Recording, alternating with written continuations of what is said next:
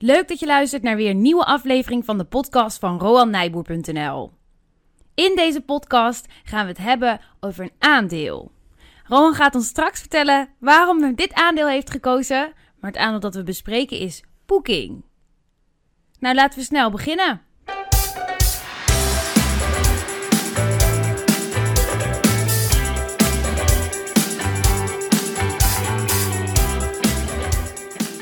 Ja, leuk dat je weer luistert. Mijn naam is Barbara. En ik ben Rowan. Ja, en het is prachtig zonnig terwijl we dit op zitten te nemen. En zitten wij hier binnen, Rowan. Zitten wij hier, Bar? Ja, wat zijn we nou weer aan het doen? Ja, we zijn gek. Ja, en eh, het is ook niet zo dat de zonvakantie er binnenkort aan lijkt te komen.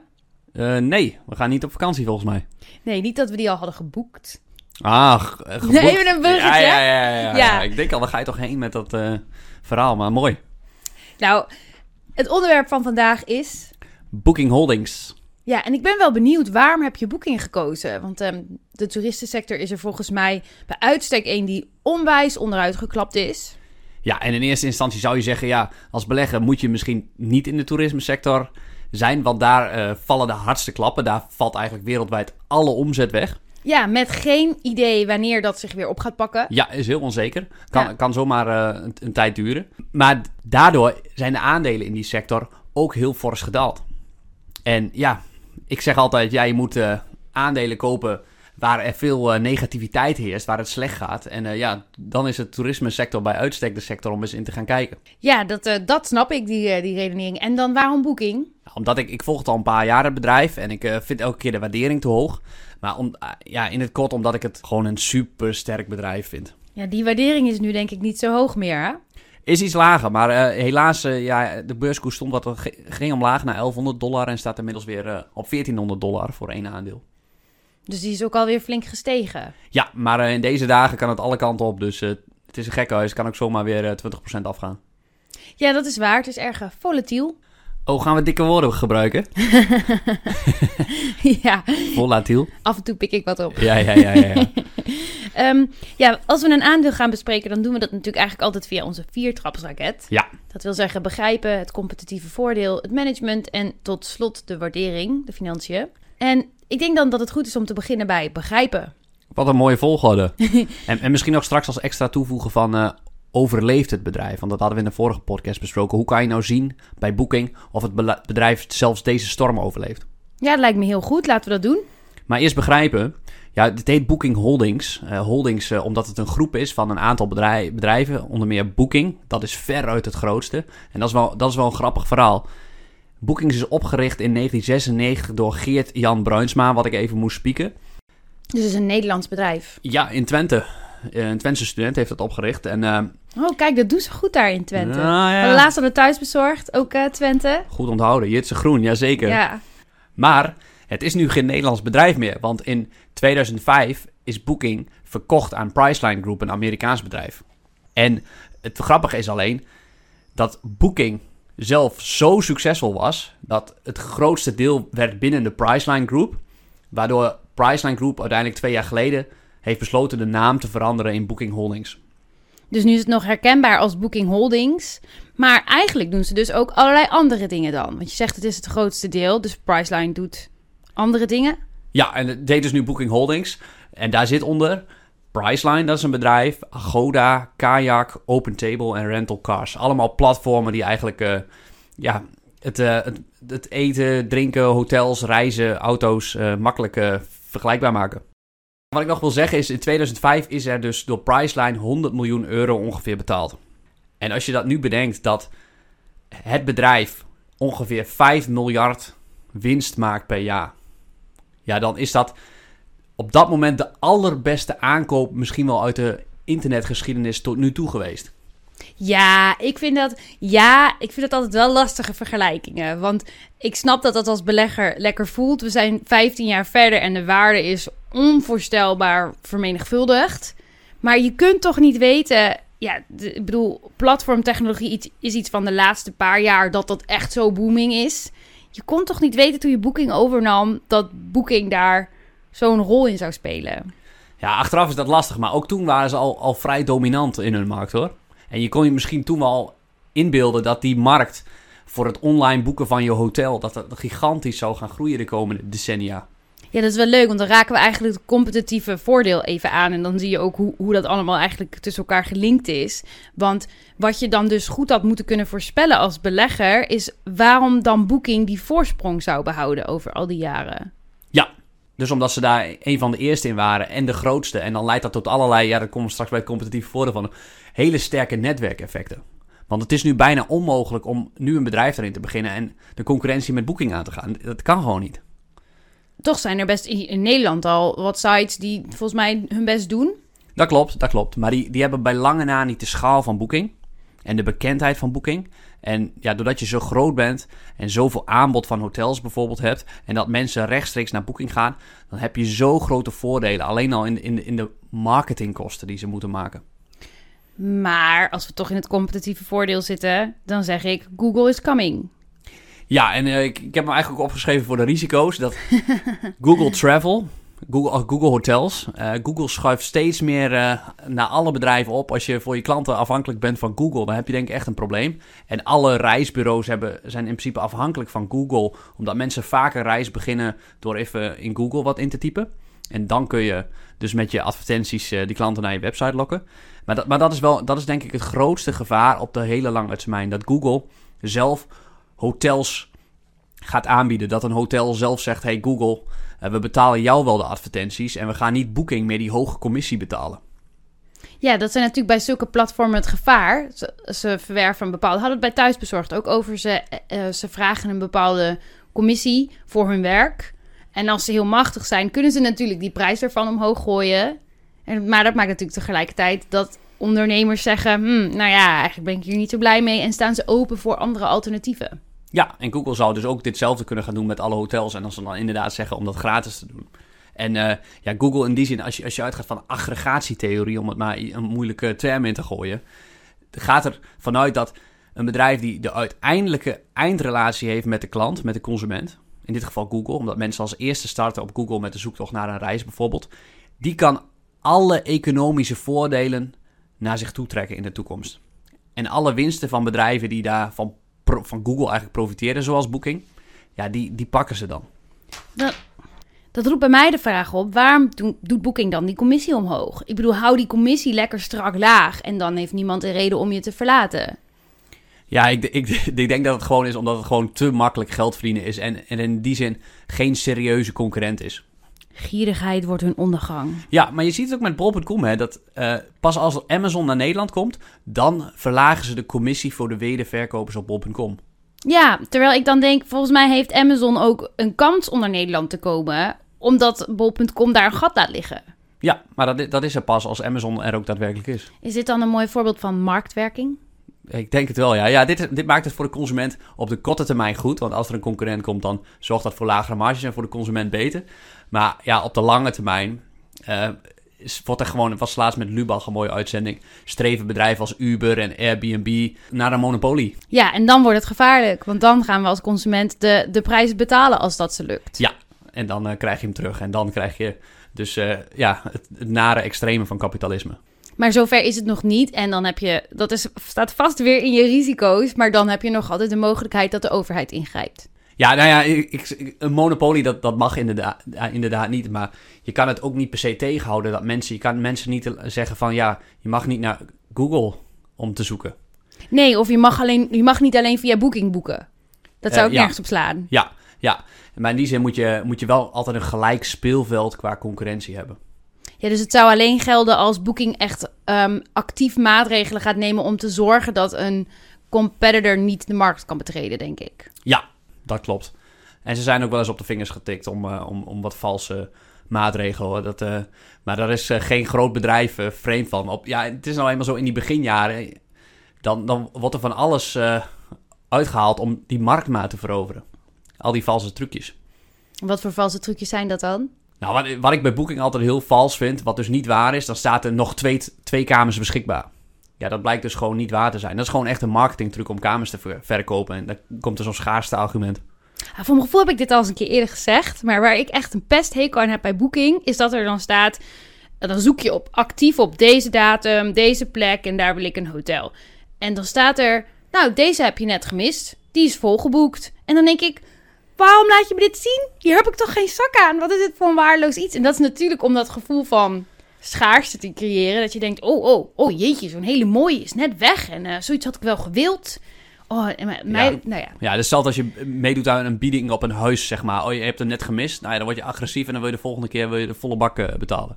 Ja, zelfs als je minder mooi vindt, dan denk je, deze gaat niet aan mijn neus voorbij. Komt Ja, ons ego in het Dit spel. is van mij, ja. Ja. ja. ja. Oké, we zijn goed afgedwaald, want we begonnen bij begrijpen. En daar hebben we nu alles over gezegd, toch? Ja, vind ik wel.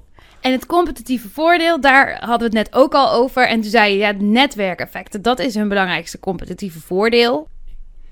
Ja, netwerkeffecten en in die zin hetzelfde als wat we besproken, bespraken bij eh, thuisbezorgd. Eh, een, het is een dubbelzijdig netwerkeffect. Oké, dus omdat de klanten erop zitten, zitten de hotels erop. En omdat de hotels erop zitten, zitten de klanten erop. Jij leert echt snel. Ik, ik stop er binnenkort mee en dan kan je het alleen doen. Nou, liever niet. En, ehm, Ja, en dan nog even terug, want ik zei net thuisbezorgd en Booking dat ze hetzelfde competitieve voordeel hadden. Maar Booking, die reist eigenlijk met ons mee. oh ja? Ja, want als je naar Amerika gaat, dan is de kans groot dat je ook met Booking een hotel boekt.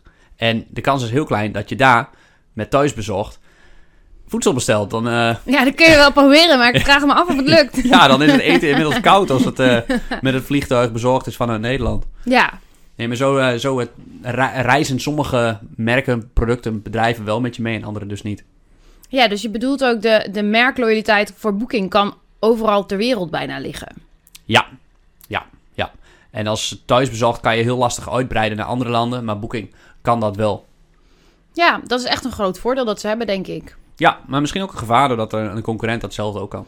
Hey, en we bespraken over thuisbezorgd al. Ja, eigenlijk zijn ze niet een thuisbezorgbedrijf. Ze zijn eigenlijk een, meer een IT-bedrijf. Ja. Geldt het ook voor Booking? Ja, is, is eigenlijk gewoon een platform. Want ze hebben natuurlijk zelf, ze bezitten zelf de hotels niet. Ze doen alleen een, eh, dienst en eh, daar pakken ze een gigantisch hoge commissie van. Exact hetzelfde. Ja, maar dan wel in de toeristensector, dus worden nu wel geraakt. Ja, worden volle bak geraakt. En ja, daar ko- komen we waarschijnlijk straks nog op eh, of, of, ze, of ze het overleven deze tijd. Maar laten we het eh, competitief voordeel dan even afmaken. Wat ik het mooie aan Booking vind, is dat ze, ze zijn in Europa heel sterk. Daar zijn ze dominant. In tegenstelling tot bijvoorbeeld een Expedia-groep die in Amerika veel dominanter is. In Amerika is de macht van de hotelketens veel groter. Van de Hiltons, van de Marriott, van de Holiday Inn. En die kunnen dan daar, heel veel toeristen boeken daar, of heel veel Amerikanen boeken rechtstreeks bij zo'n hotelketen. En in Europa doet vrijwel niemand dat. Dus de concurrentie is daar ook anders. Ja, de, de dynamiek van de markt is heel anders. En in Europa heb je veel meer individuele hotels. Allemaal, allemaal eh, van één persoon of kleine ketens. En die kunnen dan, die zijn dan echt, ja, hoe komen die, hoe, hoe vullen die hun hotels? Ja, dat kan alleen maar via Booking. Ja, dat komt natuurlijk ook doordat we zoveel meer landen hebben in die zin. Eh, ja, dat maakt het ook makkelijker, ja. Dat er eh, heel weinig consolidatie is onder hotelketens hier in Europa. In tegenstelling tot in Amerika. Ja, en een concurrent die ik nog niet heb horen langskomen, Oh-oh. is TripAdvisor. Ja, is een concurrent, maar ik denk geen serieuze concurrent, omdat het lukt ze niet om voet aan de wal te krijgen in, in deze wereld waar Booking in actief is, in het hotel boeken. Ja, klopt. Ik ben ook nog niet. eh, ik was wel Tri- TripAdvisor gebruiker. Zeker toen wij in, eh, in China zaten. Ja, super handig. ja. En, Restaurantje, ja, en voor, sowieso voor reizen vind ik het altijd erg leuk. Om de reviews overigens ook. ja, zeker. Zeker, maar het lukt ze heel lastig om er geld mee te verdienen. Dat, Ah, dat is voor TripAdvisor een enorme uitdaging. Je kan je ook aandelen kopen, net als in Expedia, wat ik net noem. Net eh, Google Travel, zeiden we aan het begin, hè, die schuift op richting de, de reismarkt. En wat je ziet is dat Booking daar veel minder last van heeft dan TripAdvisor of Expedia.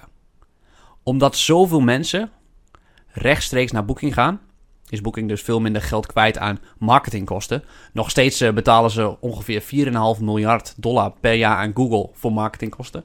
Dus dat is nog steeds wel fors. Maar veel minder in eh, ver- verhouding tot die andere spelers. Die, ja, die worden zo hard geraakt nu. Dat is eigenlijk wel leuk. We hebben natuurlijk ook al Amazon en Google een keer besproken als aandeel. Maar daar noemde je ook van het grote voordeel dat bijvoorbeeld een Amazon heeft, is dat mensen er rechtstreeks naartoe gaan. Ja, En dat heeft Booking dus ook. dat heeft Booking ook. 50% van de mensen die boeken bij Booking, die gaat rechtstreeks naar Booking. Dus dat is organisch. En die slaan dus Google over. En dat scheelt enorm in de, in de, in de marketingkosten. Ik ga meestal via de app. Dat is dus, eh, jij bent organisch. Ja. Ja. Dus dat klopt ook wel.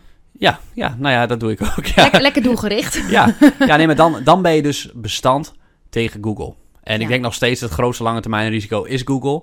Maar als er een partij bestand is tegen Google, dan zijn zij het. In ieder geval in Europa. Eh, ja, exact.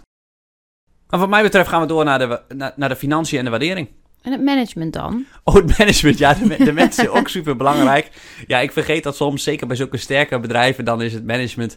ehm, ja, je, je kan eigenlijk een idioot aan het roer zetten bij Booking. Eh, want die, die zal het waarschijnlijk nog goed doen. Omdat het bedrijf zo sterk is. Nou, nou, nou, dat is niet wat ik je normaal hoor verkondigen. Ja, nee. Nee, Je zegt altijd, ja, zelfs als je mij in de beste Formule 1-wagen zet, dan word ik nog geen wereldkampioen. klopt, klopt. En je moet mij ook zeker niet aan het hoofd van Booking neerzetten of zo.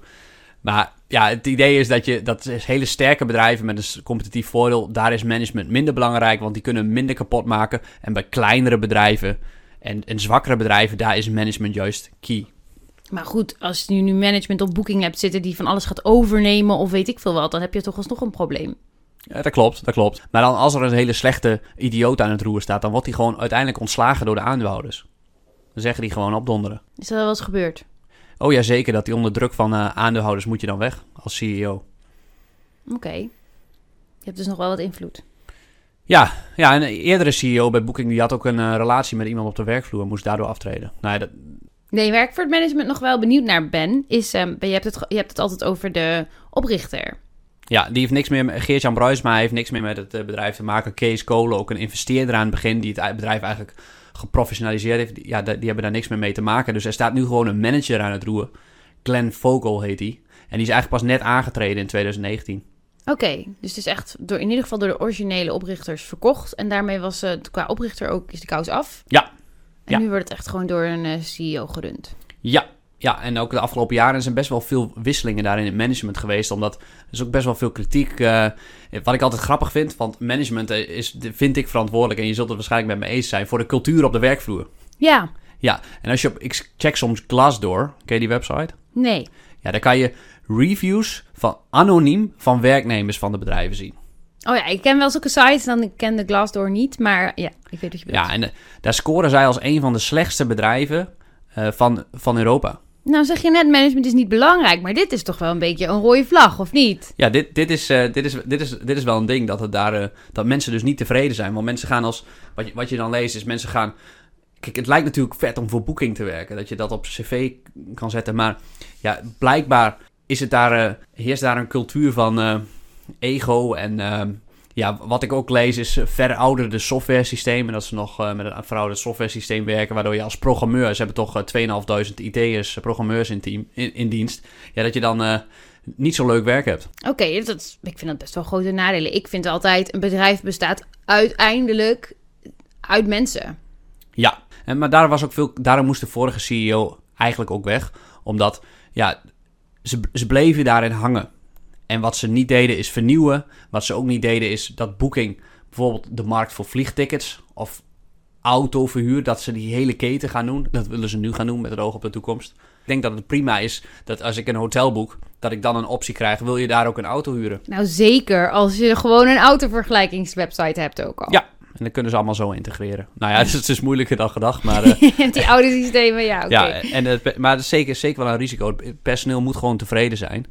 En eh, ja, dat is hier... eh, ik zag het in 2019 was dat niet het geval. Er stond nog een mooi artikel in de Volkskrant over. Maar goed, daarom is die nieuwe CEO aangesteld om dat eh, orde op zaken te Ja, zetten. wat stond er dan in dat artikel? Ja, dat er één grote puinhoop is op het hoofdkantoor. Want dat is weer het grappige. Staat in Amsterdam. Oké, wel in Nederland nog. Ja, en dat heeft vast ook allerlei belastingtechnische redenen. Maar hier wordt een vet nieuw hoofdkantoor gebouwd in Amsterdam. Want hier werkt in Nederland 5000 man voor eh Booking. Dus ze updaten niet hun software, maar wel hun eh, hoofdgebouw. Ja, ja, ja, dat is natuurlijk. Prioriteiten, hè? Ja, ja, ja, ja. En wat is dan de eindconclusie nu over, nu over management? Nou ja, dat, dat het best wel lastig is. Omdat die, die nieuwe CEO is bijvoorbeeld net pas aangetreden. En eh, ja, dus in die zin kan je daar niet zoveel nog over zeggen. Nou, wat ik nog wel grappig vind om te zeggen als eh, eindconclusie is dat eh, nu het zo crisis is, dat het hele topmanagement heeft besloten het hele jaar geen salaris te ontvangen. Wat vind jij ervan? Interessante keuze. Want, want ja, je zou kunnen zeggen, ze hebben ook niet voor dat virus gekozen. Het overkomt hun ook.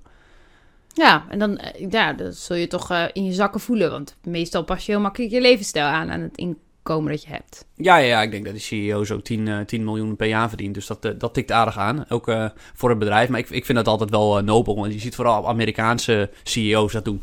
Ik vind het wel heel veel toewijding laten zien. Ik vind het bedrijf beloont je als je het goed doet.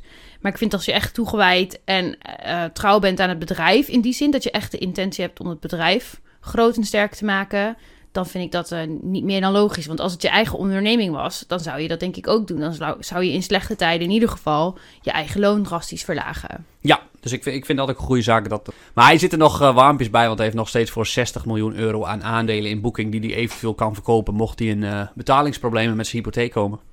Over de hypotheek gesproken, Ik voel hem aankomen, de financiën. de financiën. Ja, ik dacht voordat we gaan de financiën gaan doen en gaan waarderen, eerst eh, of ze overleven. Want als, je, als ze niet overleven, dan hou je als aandeelhouder niks over. Oh ja, dat is de nieuwe categorie waarvan je zei, zeker nu met het coronavirus is dat iets waar je echt naar moet kijken. Ja, want je wilt niet naar nul, want alles keer nul is Niks. niks. en eh, dus ik, ik heb een, naar, de, naar het jaarverslag gekeken. En wat je daar ziet, is ze hebben een lange termijn schuld van 7,7 miljard. En ze hebben aan de andere kant van de bezittingen 6,3 miljard aan cash. Dus je zou misschien kunnen denken, ja, hun schulden zijn hoger dan de cash. Maar van die schulden hoeven ze dit jaar maar 1 miljard in juni af te lossen. Oké, dus dan houden ze nog steeds 5,3 miljard over voor volgend jaar en zelfs misschien het jaar erna. Ja, en we zouden dan eh, even een scenario kunnen opschet, eh, opstellen, want dat hebben we de vorige podcast ook gedaan. Van een negatief scenario.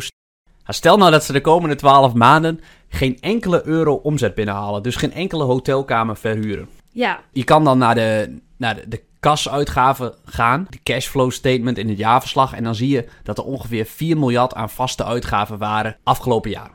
Waarvan personeelskosten de hoogste zijn. dat suggereert dat ze in personeelskosten kunnen snijden. Ja, dat denk ik zeker. Ze kunnen veel mensen ontslaan. Maar wat je bijvoorbeeld ook ziet, ze hebben hier alleen in Nederland al 5000 man. En die kunnen ze werktijdverkorting geven. Dus daar kunnen ze heel veel van wegsnijden in, in dat opzicht. Dat, dat verlicht enorm. Maar ook al gaan ze dat allemaal betalen, dan kunnen ze nog die 12 maand uitzitten zonder ook maar één hotelkamer te verkopen. Maar 12 maanden is dan wel de max. Ja, maar ze hebben ook nog een kredietfaciliteit. Een eh, rekening courant krediet bij een bank. Ze kunnen ook nog 2 miljard opnemen. Konden wij maar 2 miljard opnemen. Ja, zou lekker zijn, hè? Ja, ja, ja. ja, ja. Nee, maar eh, heel veel kosten van Booking zijn variabel. Namelijk vrijwel alles, de marketingkosten, 5 miljard per jaar, is variabel. En dat schroeven ze nu natuurlijk naar nul. Ja, wat ik wel altijd lastig vind bij dit soort dingen is dat je niet weet in ho- hoeverre ze dit soort dingen vooruit moeten regelen. Ik bedoel, ik kan me voorstellen dat zij misschien op hele populaire plekken hun marketing willen doen. Ik kan me voorstellen dat zulke bedrijven zeggen: dat is leuk, maar ik wil het een half jaar van tevoren hebben. Ik heb hier totaal geen verstand van. Maar ja, dat zou misschien betekenen dat je nu al marketinggeld hebt uitgegeven. Of dat die rekening er nog aankomt voor iets wat binnen de komende maanden komt. Misschien wel het komende half jaar. Terwijl er niks verkocht kan worden. Ja, dat klopt. Ze hebben ook debiteuren en crediteuren uitstaan, om het maar even in eh, boekhoudkundige taal te spreken. Dus eh, bedragen die ze nog moeten betalen en die ze nog krijgen op korte termijn. En daar zullen dat soort posten in zitten. Maar die, die heffen elkaar ongeveer op. Oké. Nou ja, kijk, dat is dan gunstig. Dat Ja. klinkt al met al niet verkeerd. Zeker niet voor een bedrijf in de toeristensector op dit moment. Ja, en ik denk, denk met, met Booking, kijk, ik zie, er is best een scenario denkbaar dat, dat het komende jaar geen vliegverkeer mogelijk is. Maar ik denk niet dat er dan geen enkele hotelkamer verkocht wordt. Want dat mensen dan misschien eh, in Nederland eh, ga, je, ga je naar Scheveningen en boek je daar een hotel. En dat doe je dan ook met Booking. Althans, ja. wij dan, wij wonen daar niet bij in de buurt. Dus eh, wij gaan dan voor een hotelletje. Maar wat we eigenlijk helemaal niet besproken hebben, is welke landen is Booking allemaal actief? Eh, alle landen. En, en daar hebben ze ook echt dat ze daar gebruikers hebben. Ja, ik zou zeggen in vrijwel alle landen, behalve China, waar ze, waar ze vooral C-Trip eh, dominant is. Oké, Maar ze hebben weer een belang in C-Trip. Dus eh, wat ook ongeveer een miljard waard is. Dus die kunnen ze ook nog verkopen. Mochten ze om cash verlegen zijn, kunnen ze hun belang in de beursgenoteerde C-Trip verkopen.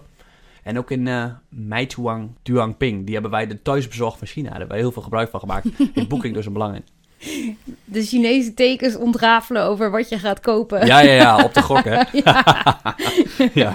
Oké. Oké. Was dat alles over het overleven? Ja, dus ik denk in een heel negatief scenario kunnen ze het heel makkelijk een jaar uitzitten. Ja, het klinkt eigenlijk ja, best positief. Dat denk ik wel. En dan eh, misschien nu gelijk naar de waardering. En eh, hoe, hoe waardeer je iets wat dit jaar dus geen winst maakt? Ja, je zou naar die winst van vorig jaar kunnen kijken. Dus in normale jaren, hoeveel winst maken ze dan? En dan blijkt dat ze meer dan 100 euro winst per aandeel hebben gehaald. En de huidige beurskoers is 1400. Dus dan zou je kunnen zeggen een koers-winstverhouding van 14. En dat vind ik zelf heel weinig voor zo'n heel sterk bedrijf. Wat denk ik, ondanks dat het nu allemaal uh, plat ligt, en misschien de komende twee jaar wel, op de hele lange termijn het aantal verkochte hotelnachten, vliegtickets, restaurant, dat dat, dat gewoon een, een lange termijn groeitrend is van, van omdat er nog steeds heel veel offline gaat naar online. En uh, dat toerisme en vrije tijdsbesteding steeds belangrijker wordt. Ja, en nou is dat dan op basis van resultaten van een goed jaar, waarin iedereen het economisch ook goed had. En ze zeggen we gaan nu een recessie in. Dan hoor ik je eigenlijk al zeggen, ja, het is de lange termijn. Dus dan gaan we er even vanuit van misschien voorbij de dip die we eventueel nu krijgen, als we die krijgen. Hebben we hiermee alles gezegd over de financiën wat we moesten zeggen? Ja, wel de kern. Oké. Wat is dan nu je eindconclusie over dit aandeel? Ja, ik vind zelf een koers-winstverhouding 14 voor een bedrijf wat in normale omstandigheden de sterkste speler is en zal gaan profiteren juist van deze crisis, omdat concurrenten het veel zwaarder hebben en het loodje zullen leggen en ze dat overgebleven uh, capaciteit kunnen oppakken en daar veel sterker uitkomen. En dat, dat, dat dat hele lange termijn groeitrends nog steeds zijn van offline naar online. Uh, en dat ze denk ik wel bestand zijn tegen het grootste risico, Google als enige speler. Wat we eigenlijk helemaal niet besproken hebben, is dat een concurrent van hun natuurlijk wel degelijk de reisbureaus zijn. Ja, en dat, dat verdwijnt allemaal. Thomas Cook is vorig jaar uh, failliet gegaan. Die had allemaal reisbureaus in de UK. Die, die komt allemaal niet weer. Dat verschuift allemaal naar online. En dat is, een, dat is nog een gigatrend dat nog heel lang kan aan, aanhouden. Want in Nederland liggen we daar gigantisch mee voor. In andere landen is dat, is, zijn ze veel minder ver. Oh, dat wist ik niet. En denk je dan dat dit misschien wel een genadeklap kan zijn voor reisbureaus die nu nog wel bestonden? Ja, die hadden, die hadden het denk ik al ontzettend zwaar. Ik, uh, er zal vast een markt voor blijven. Maar ja, naarmate ouderen komen te overlijden en de jongeren voor in de plaats komen, ja, die gaan allemaal online boeken. Ja, precies. Zeker als ze eenmaal weten wie ze vertrouwen, dan, um, ja, dan gaat het net zo snel online. Ja, toch? Ja, Oké, okay, ik heb niks meer te melden. Ik ook niet. Zullen we onze volgende reis maar eens gaan boeken? Ja, ja gaan we. Heel erg bedankt voor het luisteren. We vonden het weer hartstikke leuk. Als je een keer een vraagje hebt, mail ons gerust. Oké, okay, doei! Doei!